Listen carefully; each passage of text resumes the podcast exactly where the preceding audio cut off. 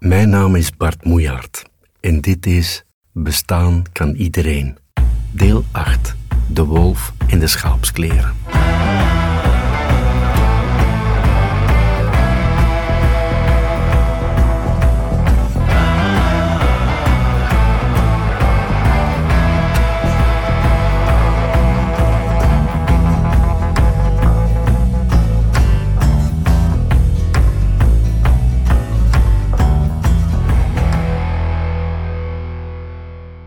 Als Frans Kellendonk me eens met een paar volzinnen had gewaarschuwd voor het echte leven. Hij had het op een avond aan tafel bij Zenie Tuin kunnen doen, die keer in 1987 bijvoorbeeld, toen de Franse schrijver Dominique Fernandez tot de genodigden behoorde en de man trots vertelde dat hij met La Gloire du Paria de eerste roman had geschreven waarin een hoofdpersonage voorkwam dat aan aids leed.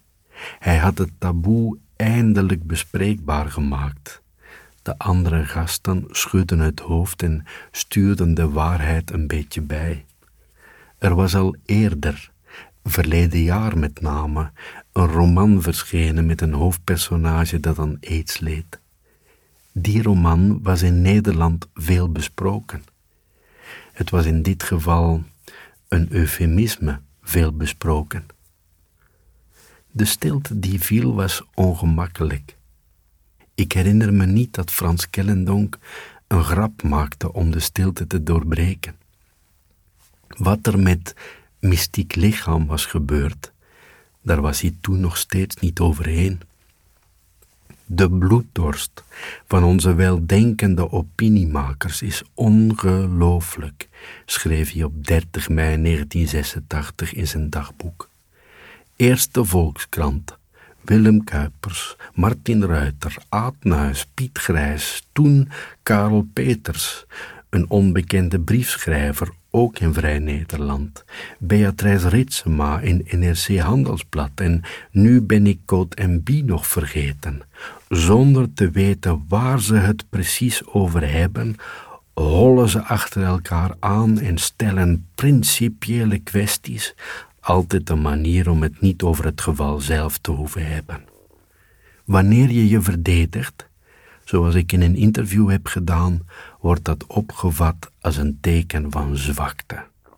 Wie een rein geweten heeft, verdedigt zich toch niet? Het geweten van je beschuldigers is altijd zo rein als een formica-tafel. Soms denk ik dat de woede die ik bij Frans Kellendonk voelde, wat mij bang voor hem maakte en tegelijkertijd aantrok, niet voortkwam uit wat er was gebeurd en gezegd. Soms denk ik dat hij woest was om het feit dat hij er maar niet overheen kwam en vreesde dat hij door zijn ziekte ook geen tijd meer zou hebben om er overheen te komen. De gedachte alleen al zou mij verteren. Tot vandaag heb ik geen last van wat ik heb geschreven of hoe ik het heb geschreven. Met de kwetsbaarheid van wat er is, kan ik omgaan. Waar ik wel aan durf te lijden, is aan wat ik nog niet heb geschreven, wat ik nog niet heb gedaan. Altijd is er van alles waar ik niet mee bezig ben. Op elk moment is er wel iets waardoor ik op de resterende twee punten word gewezen, de anderhalve die nog nodig zijn om de hele tien te halen.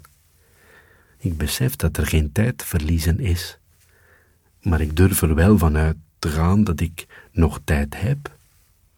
Dat is een kleine geruststelling. In het tweede jaar van mijn stadsdichterschap werd ik aan mijn rug geopereerd. Toen ik uit narcose kwam, was mijn lichaam loodzwaar. Als ik mijn hoofd in mijn kussen duwde en onder het laadje van mijn nachtkastje keek, zag ik eerst de krant met het nieuws van de wereld op de vensterbank liggen en daarachter lag de wereld zelf.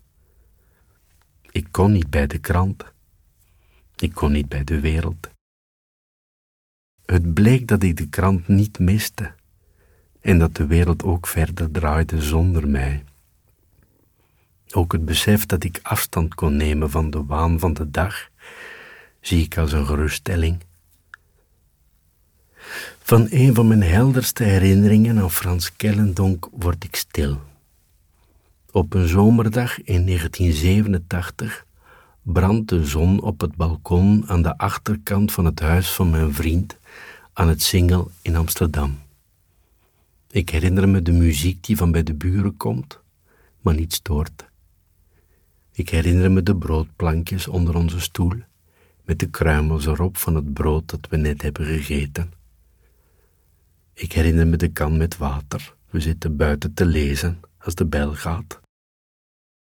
Ik herinner me het afwerend gebaar dat Frans maakt. Hij komt op bezoek, maar hij wil niet storen. Wij moeten weer buiten gaan zitten, waar we zaten. Hij is blij met de rieten stoel binnen, voor het deurgat. Ik herinner me de stilte en het kraken van de stoel. Ik herinner me het felle licht buiten en het halve donker waarin Frans zit.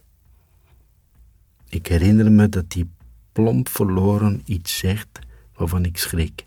Hij zegt: Ik ben een wolf in schaapskleren.